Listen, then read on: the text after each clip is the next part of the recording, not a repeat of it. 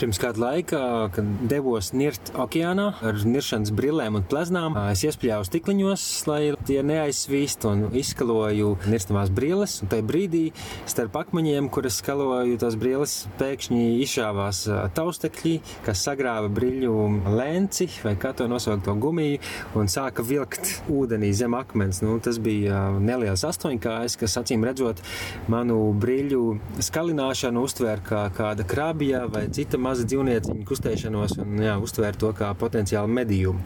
Interesantā kārtā man izdevās to atkārtot vēl divas reizes, un jā, astoņkājas turpināja saķert gan manu roku, gan uh, nirstamās brilles. Gan arī pat jau tās saplēšot, tik ārkārtīgi spēcīgi šie astoņkāja taustekļu piesūcekņi darbojās. Un, tiešām ļoti dīvaina, mazliet bai, baisa, bailīga pieredze. Jo, nu, es iedomājos, ka astoņkājiem taču ir tas knābis, vienīgā ķermeņa daļa, kas ir asa cieta, ar ko viņš spēja pārkniept, pārplēst krāpju čaulas, arī gliemežu vākus, lai tiktu pie ēdamā tur iekšā. Par to varat arī paklausīties vienā no senākiem zootēkas raidījumiem par astoņkājiem un sēpijām sarunā ar bioloģiju Valentīnu Bordukovsku. Bet uh, šī pieredze jā, bija tik, tik dīvaina, ka pēkšņi man savā ziņā uzklūpa tāds mazs astoņkājīts. Un kaut kādas savā ziņā sakritības pēc, samērā neilgi pēc tam noskatījos arī vēlreiz dokumentālo filmu My Octopus Teacher, jeb astoņkājas mans skolotājs vai kā nu to latvisko. Un tiešām, nu, šie dzīvnieki ir absolūti apbrīnojami, dīvaini, ņemot vērā, ka viņi spēj nodzīvot tikai vidēji divus gadus. Tomēr viņus prāta spēju sapratnes ziņā pielīdzina pat suņiem un kaķiem. Lai gan viņi nu, būtībā ir moluski, viņi ir bezmugurkaulnieki, tik ārkārtīgi atšķirīgi no uh, tiem dzīvniekiem, ko mēs uz sauszemes uzskatām par, par uh, nu, tādiem īpaši psiholoģiski kompleksiem, saprātīgiem, ar, ar, ar daudzveidīgu emocionālo pasauli.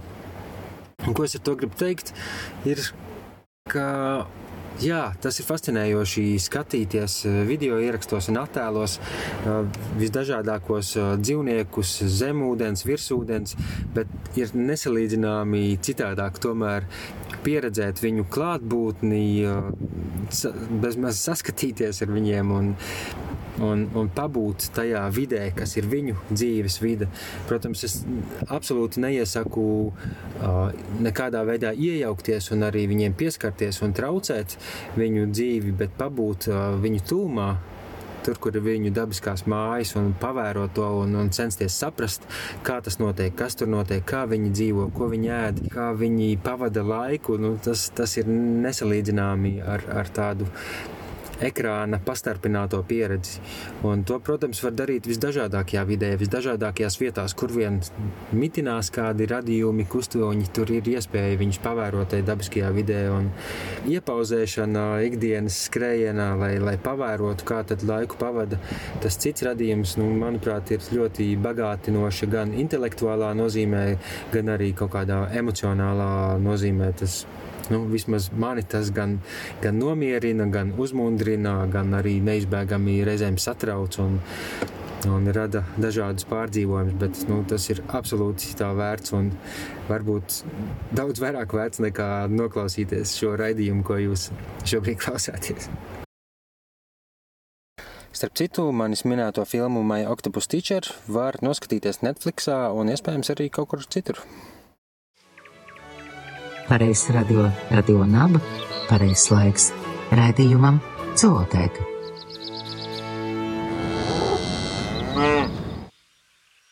Sveiki, zemieši! Šis ir uh, Latvijas Rādio 6, Latvijas Universitātes Rādio Naba, redzējums Zootēka. 2013. gada 18. februāra raidījums Zootēka numur 136, kas šoreiz ir veltīta, veltīta pasaulē zināmākajam un, es domāju, visu laiku ietekmīgākajam dabas pētniekam un dzīvnieku pētniekam Čārlzam Darvinam.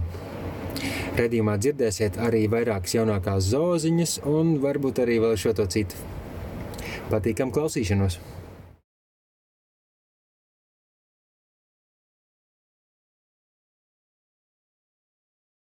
Sākam ar zooziņām. Austrālijā apdraudētas haizivs gaļu liek galdā kā zivi un čipsus. Kādā jaunā pētījumā noskaidrots, ka vairāku apdraudētu zivs, haizivs sugu gaļa restorānos visā Austrālijā tiek pasniegta kā populārais ēdiens fish and chips, jeb zivs un čipsi. Un tas radot apdraudējumu ne tikai šīm jau apdraudētajām haizivīm, bet arī zivju ēdāju veselībai. Adelaides Universitātes pētnieki izanalizēja DNS paraugus no gaļas, kas pasniegta simts dažādos zivs un čips restorānos visā valstī. Atklājās, ka 23% no šiem paraugiem uh, sastāvā bija arī apdraudētu haizivs sugu gaļa. Un šo sugu vidū bija īspuru mako haizivs un gludā āmurzivs. Kā izdevumam Live Science pauda pētījuma galvenā autora Ešlija Šerada, mēs zinām, ka krāpšanās ar jūras veltēm ir visur esoša un liela problēma. Tomēr es vienmēr prātoju, kādas haizivs mēs patiesībā ēdam. Un haizivs gaļas ēšana var būt potenciāli bīstama cilvēku veselībai, jo tajā var būt daudz dzīvesudrabu un citu toksīnu. Un zinātnieki cer, ka viņa pētījums būs pirmais solis, lai izstrādātu stingrākas vadlīnijas zvejniecībā.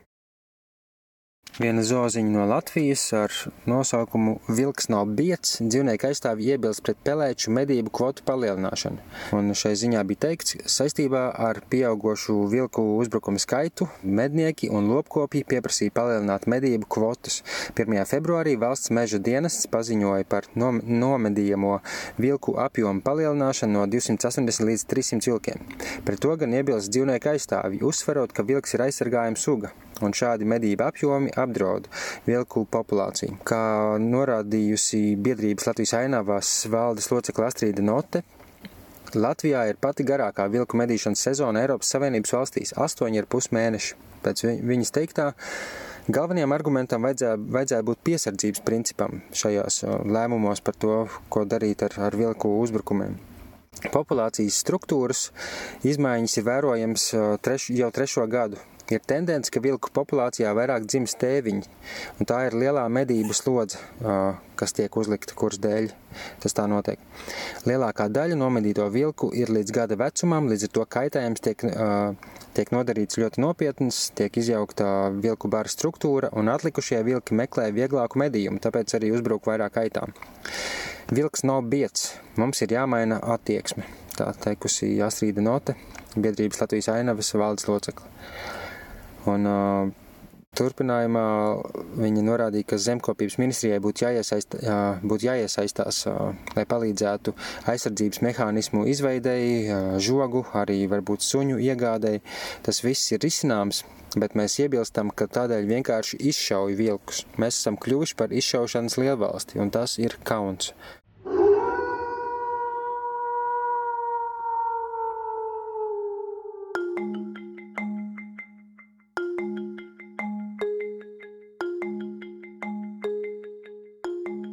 Notikumi turpinājās arī saistībā ar lācēniem, kas februāra sākumā tika atrasti Limbažu pusē dzīvnieku dabas aizsardzības organizācijas publikācijā mēdījos dabas aizsardzības institūcija atbildība par limbažu lācēnu likteni, būtībā nosodot par Eiropas kopienas nozīmes īpaši aizsargājamo sugu pārvaldību un apsaimniekošanu atbildīgo valsts institūciju rīcību situācijā, kad šī gada 4. februārī limbažu pusē saimnieciskās darbības vai medību dēļ mežā iztraucētā lācene pametusi migu ar lācēniem, kas visticamāk šobrīd ir gājuši bojā. Pašlaik, cik es saprotu, nav nekas skaidrs ar lācēniem, jo vieta, kur viņu migu atrada, ir nožogota, un nav zināms, vai lāču māte ir atgriezusies, lai par viņiem rūpētos, vai tiešām viņi nosala, kā, kā tika prognozēts, kā teica kāds biologs, ja nemaldos, Jānis Ozoliņš. Nu jā, droši vien par to mēs arī vēl uzzināsim turpmākajās nedēļās, mēnešos, kas notika ar šiem lācēniem. Un uh, vēl viena zoziņa no Latvijas par to, ka Siguldā kādā zirgu audzētavas aplokā nežēlīgi nogalināts kumeļš, nozāģēta galva, izmētāti orgāni. Siguldā televīzijas ielā 32, kur audzēja zirgus, vienā no aplokiem atrastas uh, sazāģētas kumeļa mirstīgās atliekas. Facebookā, sociālajos tīklos uh, Par to tika ziņots, un, un paziņojuma autors apgalvoja, ka kopā ar valsts policijas darbiniekiem, pieaicināto vetārstu un ekspertiem secināts, ka dzīvnieks ir aplokā sadalīts ar rokas instrumentiem, zirga ķermenis izvilks no aploka un pārvietots ar mehānisko transporta līdzeklī, nu, laikam jau ķēru Un par notikušo policija uzsākusi kriminālu procesu par cietsirdīgu izturēšanos pret dzīvniekiem. Nākamajā dienā tam medijos parādījās turpinājums, ka par šī kumeļa, laikam, astoņas mēnešus vecā zirga nogalināšanu Siguldā aizturēti trīs vīrieši, pie kuriem policija kratīšanas laikā atradusi gan, gan zirga gaļu, kaulus, divas gaļas mašīnas, astoņas patronas, nažus, ķerru ar asinīm un arī sporta apavus notraipīts ar asinīm. Un, uh, pašreizējā policijas rīcībā esošā informācija liecina, ka vīrieši zirgu nogalinājuši, lai izmantotu gaļu savām vajadzībām pārtikā. Taču precīzs nozieguma izdarīšanas motīvs vēl tiks noskaidrots. Šobrīd visi trīs aizturētie atrodas izolatorā, un interesanti, ka arī rakstā bija minēts, ka nogalinātā dzīvnieka vērtība, ja pārdošanas cena ir 4000 eiro. Tā kā dārga manta iznīcināta savā ziņā, nu, tā mazliet skarbi izsakoties. Un, nu, manuprāt, protams, tas ir baisi un dīvaini tāds notikums, tomēr visticamāk jau tiešām cilvēki to darīja, nu, varbūt izmisuma, nabadzības dēļ, lai iegūtu gaļu ne jau izklaidēji kādam sātaniskam rituālam vai citam dīvainam nolūkam. Turklāt, es domāju, lielākā daļa cilvēku nezina, ka Latvijā katru gadu nokauj un pārstrādā gaļai vairākus simtus zirgu. Un visai ticam, ka kautuvē nogalinātie zirgi, kuri redz un dzird un savož apkārt notiekošo, nu, viņi cieši nemazāk kā, kā šis zirgs, ko nogalināja aplokā. Tikai par viņiem šiem vairākiem simtiem ziņās neraksta, vai ne? Nu, lai, nu, lai nu kā būs interesanti pavērot, kas, kas tad īsti beigās notiks, kā tiks notiesāti šie, šie cilvēki, kā tas tiks pamatots ar likuma pārkāpumiem un, un ko tas mums liks secināt par, par zirgu legālo nogalināšanu, kas notiek daudz lielākā skaitā. Un jebkurā gadījumā man, mana vēlme, aicinājums, protams, ir, ka visdažādākos dzīvniekus, ne tikai zirgus, būtu jauki, ja nogalinātu aizvien mazāk, un ja viņus uztvertu nopietnāk, cieņpilnāk.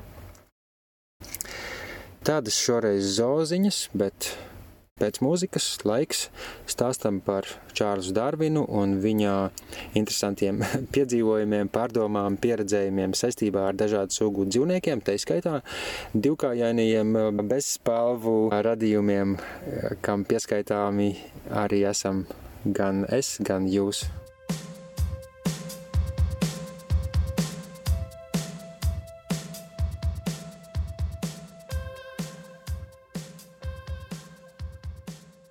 Darvina saldie bruņurupuči.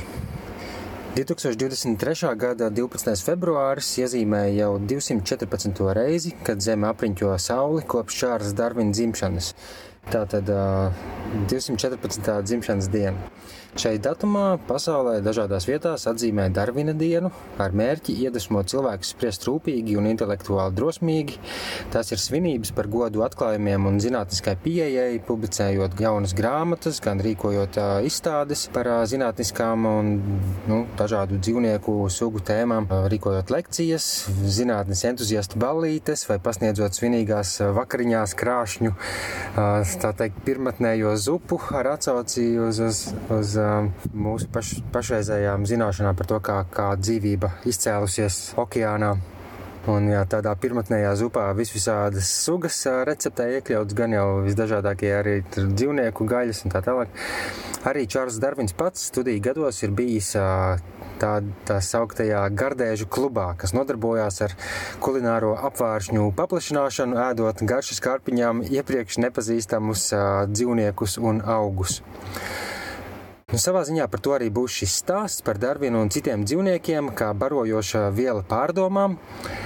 Tādā biogrāfiskā pārskatā iezīmēšu dažas retāk dzirdētas nianses par viņa dzīvi, uzskatiem, piedzīvojumiem, kas papildus nu, tam visam vairāk zināmajam par Darvina ieguldījumu padara uzmanības vērtu, manuprāt, joprojām mūsdienu laikā, kad iespējams vairāk nekā agrāk ir vajadzīga rūpīga, faktos balstīta domāšana, arī pieticība cilvēka pašnovērtējumā, arī pacietība nezināmas, neskaidras nākotnes priekšā un līdzcietība gan pret savējiem, gan pret pārējo sugu būtnēm.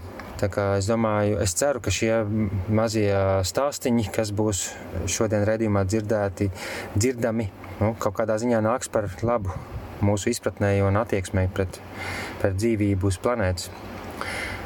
Čārls Darvinu mēdz minēt kā pētnieku, kas satricinājis izpratni par cilvēku un dzīvību kopumā, un, protams, kopš viņa laikiem zinātnē daudz kas ir precizēts, un gan jau arī pateicoties citiem pētniekiem, mēs pamazām nonāktu pie pašreizējās izpratnes saistībā ar, ar sugu kopējo izcelsmi un evolūciju un tā tālāk. Bet lielā mērā tieši ar Darvina darbiem saistās pārēja uz būtiski citādāku pasaules skatījumu. Ļoti īsi sakot, Čārlis Darvins pamatoja, ka visu sugu būtnēm, tostarp Homo sapiens sugai, mums ir kopīgs, vienots tā sauktais dzimtas koks, un sugas laika gaitā mainās. Pamazām pakāpeniski pārveidojas bez noteikta gala mērķa. Atšķirīgā no senāk dominējošā priekšstata, ka sugu eksistenci nosaka kāds dievišķs prāts, dievs, kas katru sugu radījis konkrētam mērķim un pielietojumam. Šie Darvina secinājumi satricināja vēl vienu kārtējo, varētu teikt, cilvēka pārākumu sludinošu ideju prāta konstrukcijas balstu. Līdzīgi kā pirms Darvina bija noticis gan Kopernikam, gan Galilejam un Kepleram, apgāžot priekšstatu, ka mūsu Zeme, mūsu planēta ir pasaules centrs, nevis tikai viena no neskaitāmām planētām. Pirms tam rietumu pasaulē valdīja nu, bībeliski, bībeliski iegrāmatota pasaules aina, priekšstats, kurā cilvēks īsti nav pat dabas daļa, bet drīzāk tā ir kā pāri stāvošs, īpaši radīts gans, ap ko griežas viss pārējais, kam ir radīts viss pārējais. Nu, vismaz tā, tā mums vēstā svētie raksti. Bērnībā Čārlis savos puikas gados iedvesmojies no tēva intereses par dabas zinātnēm un pētniecību. Viņš kolekcionēja dzīvnieku čaulas, putnu olas, dažādus oļus un minerālus. Taču viņa vecāki vēlējās, lai viņš iet tēva pēdās un kļūst par ārstu. Bet medicīnas studijas, ko viņš arī uzsāka, drīz tomēr tika pārtrauktas jo lekcijas esot bijušas garlaicīgas un stulbas, tajās pasniedzot novecojušas zināšanas, nu vismaz tā Darvins pats raksta savās piezīmēs dienas grāmatās. Un, piemēram, to laiku pasniedza tā saukto frenoloģiju, jeb centienus spriest par individu spējām un raksturu vadoties pēc galvas kausa formas. Viņš nesot arī spējis paciest mācību operācijas gan asiņaino skatu dēļ, gan Tādēļ, ka to laiku anestezija ķirurģijā bija ļoti sāpīgs jautājums, tiešām pārnestā nozīmē. Pacienta kliedzieni un ainas operāciju laikā nebija patīkama pieredze nevienam, kas to vēroja. Jā, vienkārši jā, anestezija vēl nebija izstrādāta, tāpēc pacients piedzīvoja diezgan smagā veidā visu ar viņu notiekošo. Vēlāk, jau studējot Kembridžā, lai kļūtu par garīdznieku, jo Darvina tēvs to uzstāja kopā ar brālēnu, viņš bieži devās pastaigās, medīja dzīvniekus un aizrāvās ar Viktorijas laikmetā populāro vaboļu kolekcionēšanu, kas bija tolaik kļuvusi par bezmaz nacionālo sporta veidu, tik ļoti izplatīta tā bija. Un savā dienas grāmatā viņš rakstīja, ka reiz noplēsis mizu nokritušam kokam un jau noķēris katrā rokā par retai vabolai, bet tad pamanījis kādu īpašu retu vaboli. Un aiz ieraduma, rīkodamies kā putnu olu kolekcionārs, lai atbrīvotu vienu roku, tajā turēto vaboli viņš iemetis mutē. Bet vabole, atšķirībā no olas, tomēr uh, ir kustīga un negaidīti izdalījusi kādu asu šķidrumu, kas apdedzināja Darvina mēli, un Čārlijam nācās vaboli aiz nepatikas izspļaut, un galu galā viņš uh, pazaudēja visas trīs retās vaboles. Tāds uh, īpatnējs uh, piedzīvojums uh, viņa pierakstos. 1831. gadā, jau pēc studijām, kur laikā viņš šaubījās par ticību dievam, tomēr teicami orientējās teoloģijā, Darvins varēja kļūt par garīdznieku. Tomēr nejauši nonāca pasaules apceļotāju pulkā. Tolaik tikai 22 gadus vecais jauneklis tika vērtēts tik augstu viņa zināšanu un, un nu, sapratnes ziņā, ka viņš saņēma piedāvājumu kļūt par burnieka Beagle kapteiņa Jamesa Fitzroja tā saukto džentlmeņa kompanionu. Viņa uzdevums būtu ceļojuma laikā pakavēt kapteinim laiku, sarunās par dabas zinātnēm un teoloģiju, kā arī lai viņš vāktu dabas materiālus, materiālu paraugus pētījumiem, ko sūtīt atpakaļ uz Lielbritāniju. Un uh, interesanti, ka kapteinis Fitzrojas sākotnēji gandrīz atteica Darvinam līdzi braukšanu viņa deguna formas dēļ Kapteinis Fitzroys ticēja fiziognomijas hipotēzei, kas bija arī par pamatu tā sauktajam zinātniskajam rasismam. Tādai spekulācijai, kāpēc cilvēka sejas izskata var spriest arī par temperamentu un raksturu pēc, tā skaitā pēc deguna formas. Un pēc Fitzroja domām cilvēks ar tādu degunu kā Darvinam nebija piemērots ilgam jūras braucienam.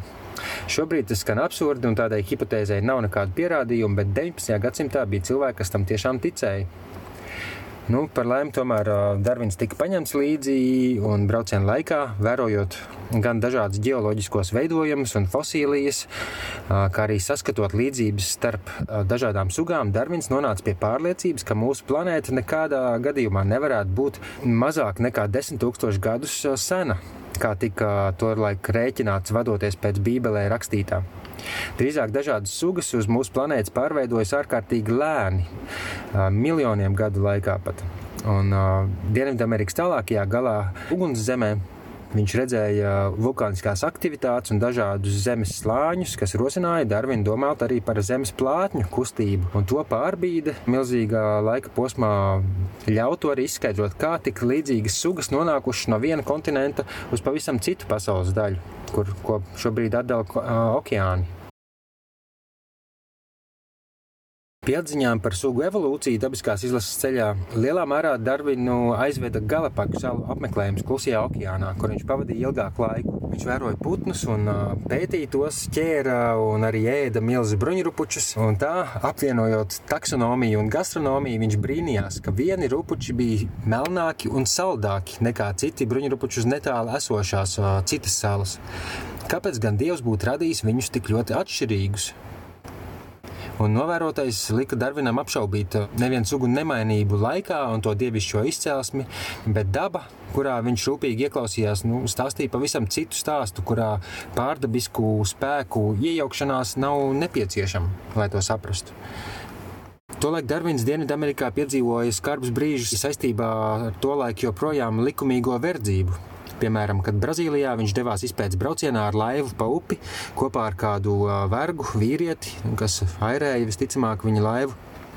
Neatrodot kopīgu valodu, nu, nevienu no valodām, ko viņš pārzināja, un uh, nesakrita ar tām valodām, ko vergs pārzināja šis vīrietis. Uh, rezultātā viņš uh, Darvins dedzīgi žestikulēja, un vienā brīdī, kad Darvins nespēja nokomunicēt uh, savu, savus tālākos plānus, uh, kurā virzienā doties, viņš netīšām novicināja roku gar verga seju, un tālākais viņu šokēja. Augumā ražanājs vergs nodomāja, ka Darvins viņu sitīs. Viņš sarāvās, pielika plaukstas sev priekšā sejai.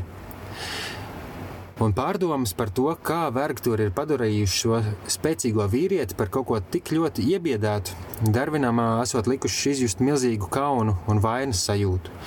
Savā piezīmju grāmatiņā viņš ar nicinājumu aprakstīja arī citus gadījumus par kādu verdzībā turētu ģimeni, kuras vīriešus īpašnieks pārdevis atsevišķi no sievietēm un bērniem un tam līdzīgi. Jāpiezīmē, ka nostāja pret verdzību bija raksturīga Darvina ģimenei plašāk. Arī abi divi viņa vectēvi bija iesaistīti 18. gadsimta abolicionisma, jeb verdzības atcelšanas kustībā Lielbritānijā. Un šī nepatika pret verdzību un nežēlību iespējams motivēja arī Darvina centienus pamatot visu cilvēku brālību un mūsu saikni ar citu sugu būtnēm. Kādu laiku viņš pat darbojās gluži kā dzīvniektiesība aktīvists. Īs pēc pētījuma par sugu izcelšanos pabeigšanas kopā ar sievu viņš izstrādāja brošūru, kurā argumentēja pret nežēlīgiem tērauda medību slazdiem. Savukārt, pēc iepazīšanās ar agrīno sieviešu tiesību aktīvistu, jeb sufrāžisti un antivivisekcijas kustības aizsācēju Francisu Paueru Kobi, Darvins esot arī sev neraksturīgi aktīvi iesaistījies cīņā pret vivisekciju, jeb dzīvu dzīvnieku uzšķēršanu izpētes nolūkiem. Rezultātā viņš palīdzēja izstrādāt likumprojektu, kas aizliedz dzīvniekus pakļaut nežēlībai, izņemot apstākļus, kad zinātniskos mērķus nevar sasniegt ar citiem līdzekļiem. Rezultātā tapušais apvienotās karalistes 1876. gada likums par nežēlību pret dzīvniekiem bija pasaulē pirmais juridiskais regulējums par dzīvu dzīvnieku izmantošanu zinātnē. Raidījumu pilno versiju klausies Latvijas sabiedrisko mediju portālā LSM LV.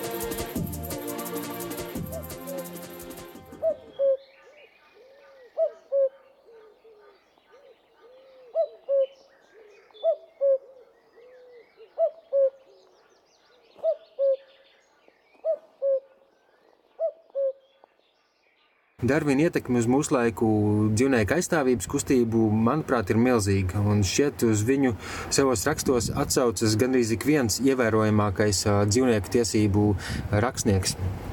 Doma, ka homo sapiens kā suga fundamentāli neatšķiras no pārējām, un jebkuras atšķirības ir drīzāk pakāpeniskas, graduālas, liek jautāt, cik pamatoti ir turpināt uztvert cilvēku kā nu, būtiski pārāku, kā tādu radības kroni, ja Bībele vairs neuzskatām par morālu autoritāti, tad mums nu, ir beigušies iemesli domāt, ka cilvēka izcelsme ir dievišķa un ka mums piemīt nemirstīgāka dvēsele nekā jebkuras citas sugas būtnēm.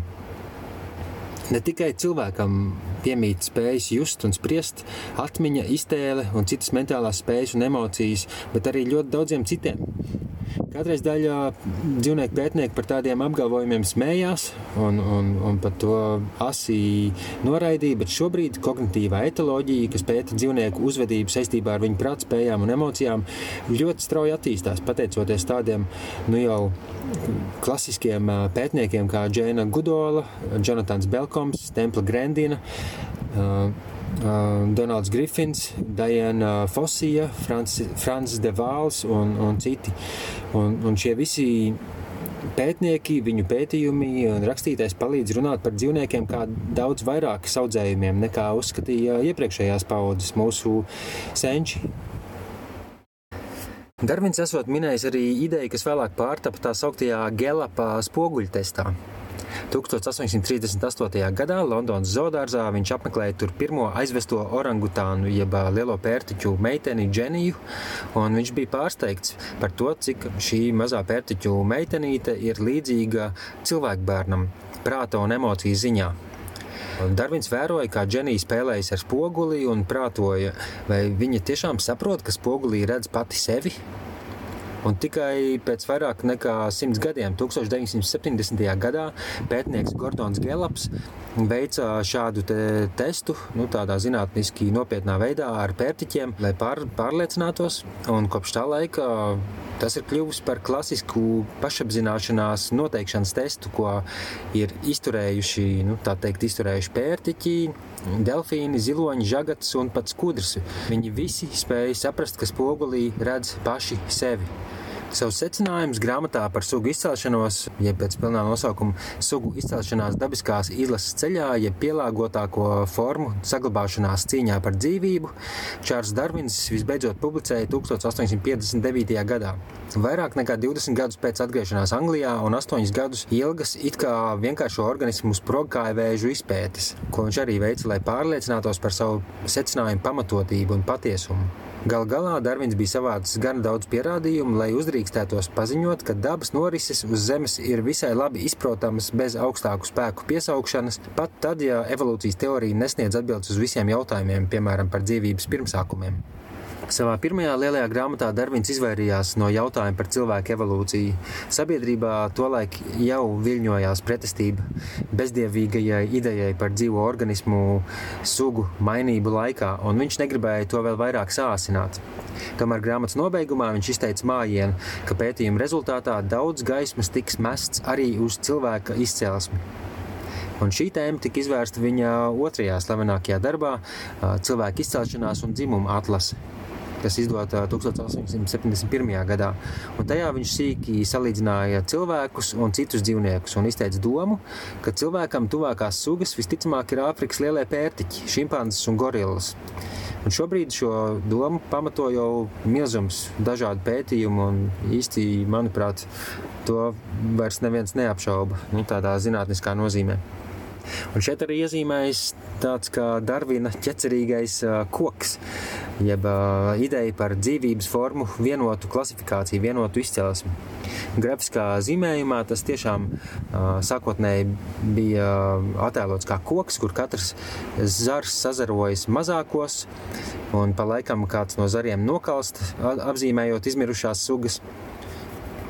Saskaņā ar šo mūsdienu bioloģijas izpratni arī cilvēks, jeb homo sapiens suga ar visiem pārējiem, atrodas uz kāda no šī taksonomiskā koka zariem, blakus šimpanzēm, gorilām, orangutāniem, bonobo un, un vairākām citām jau izmirušām cilvēkveidīgo sugām, un turpat netālu arī ir visdažādākie citi zīdītāji, citi mugurkaulnieki un tā tālāk. Līdz ar to, ja pie zara, uz kura būtu uzzīmēts Čārls Darvins, arī tu un es, būtu piesprāsta informatīva plāksnīte, tur būtu teikts dzīvnieku valsts, hordāņu tips, zīdītāju klase, primātu kārta, homo sapiens sapiens.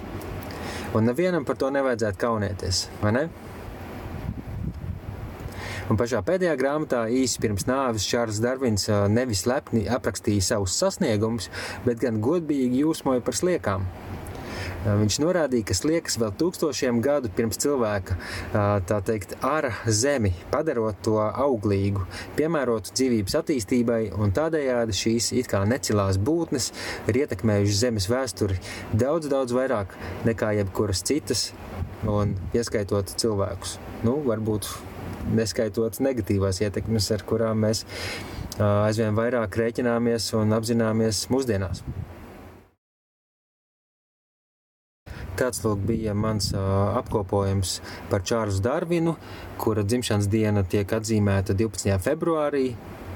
Ja vēlaties šo tekstu, varat izlasīt portālā Satorī ar nosaukumu Darvina saldie bruņurupuči. Un uh, raidījumu ierakstu varat atrast gan LSM portālā, gan arī Spotify, un iTunes un, un visdažādākajās citās podkāstu klausīšanās vietās. Turpat atradīsiet arī citus iepriekšējos raidījumus. Priecāšos, ja atrakstīsiet kādu ziņu uz zooteikas sociālajiem tīkliem, Facebook, Instagram, Twitterī, iesakot nākamo redzējumu tēmas, varbūt kādus viesus, idejas zooziņām vai vienkārši interesantus faktus, par kuriem būtu vērts pastāstīt. Ja vēlaties atbalstīt zooteikas raidījumus, sociālajos tīklos lasāmo un redzamo un lekcijas skolāniem, ko es rīkoju, un pieaugušajiem un dažādus pasākumus, to var izdarīt patreon.com platformā, kas ir kolektīvās finansēšanas projekts, kur cilvēki, kam patīk kāds, kāds mākslas projekts vai aktīvismu projekts, var to atbalstīt ar, ar nelielu ikmēneša ziedojumu, sākot ar vienu eiro mēnesī, tādējādi ļaujot cilvēkiem kas aizraujas ar kādu tēmu, to darīt salīdzinoši brīvi, nepārdodoties nekādiem komerciāliem uh, nu, spēkiem, uzņēmumiem un, un neiekļaujot reklāmas. Tā skaitā šajā raidījumā nekad reklāmas nav bijušas komerciālas, un es domāju, ka arī nebūs. küsimus Un šoreiz īpaši gribu pieminēt uh, piecus uh, Patreon atbalstītājus - Lauru Škarstu, Zāni Platinu, Mārtiņu Mičuli, Āju Ceplišu un Rūtu Zariņu. Mīļš jums paldies, ka atbalstāt. Šobrīd, februārī, tas man parasti visvairāk noder, nu, tīri psiholoģiski, kā tāda motivācija, atgādinājums, ka ir cilvēki, kas, kas zotē, kas darbu novērtē pietiekami daudz, lai, lai palīdzētu man to uztvert kā tiešām nopietnu darbu Jā, tiešām milzīgs jums paldies. Ja vēlaties um, arī jūs pievienoties šiem pieciem un pārējiem apmēram 30 cilvēkiem, iegūglējiet patreon.com kopā ar manu vārdu Sandris vai Zotēka, Patreona Zotēka. Tur arī atradīsiet sīkāk info par to, ko es esmu pēdējos mēnešos, pēdējos gados paveicis un kā var pievienoties. Paldies, paldies, paldies!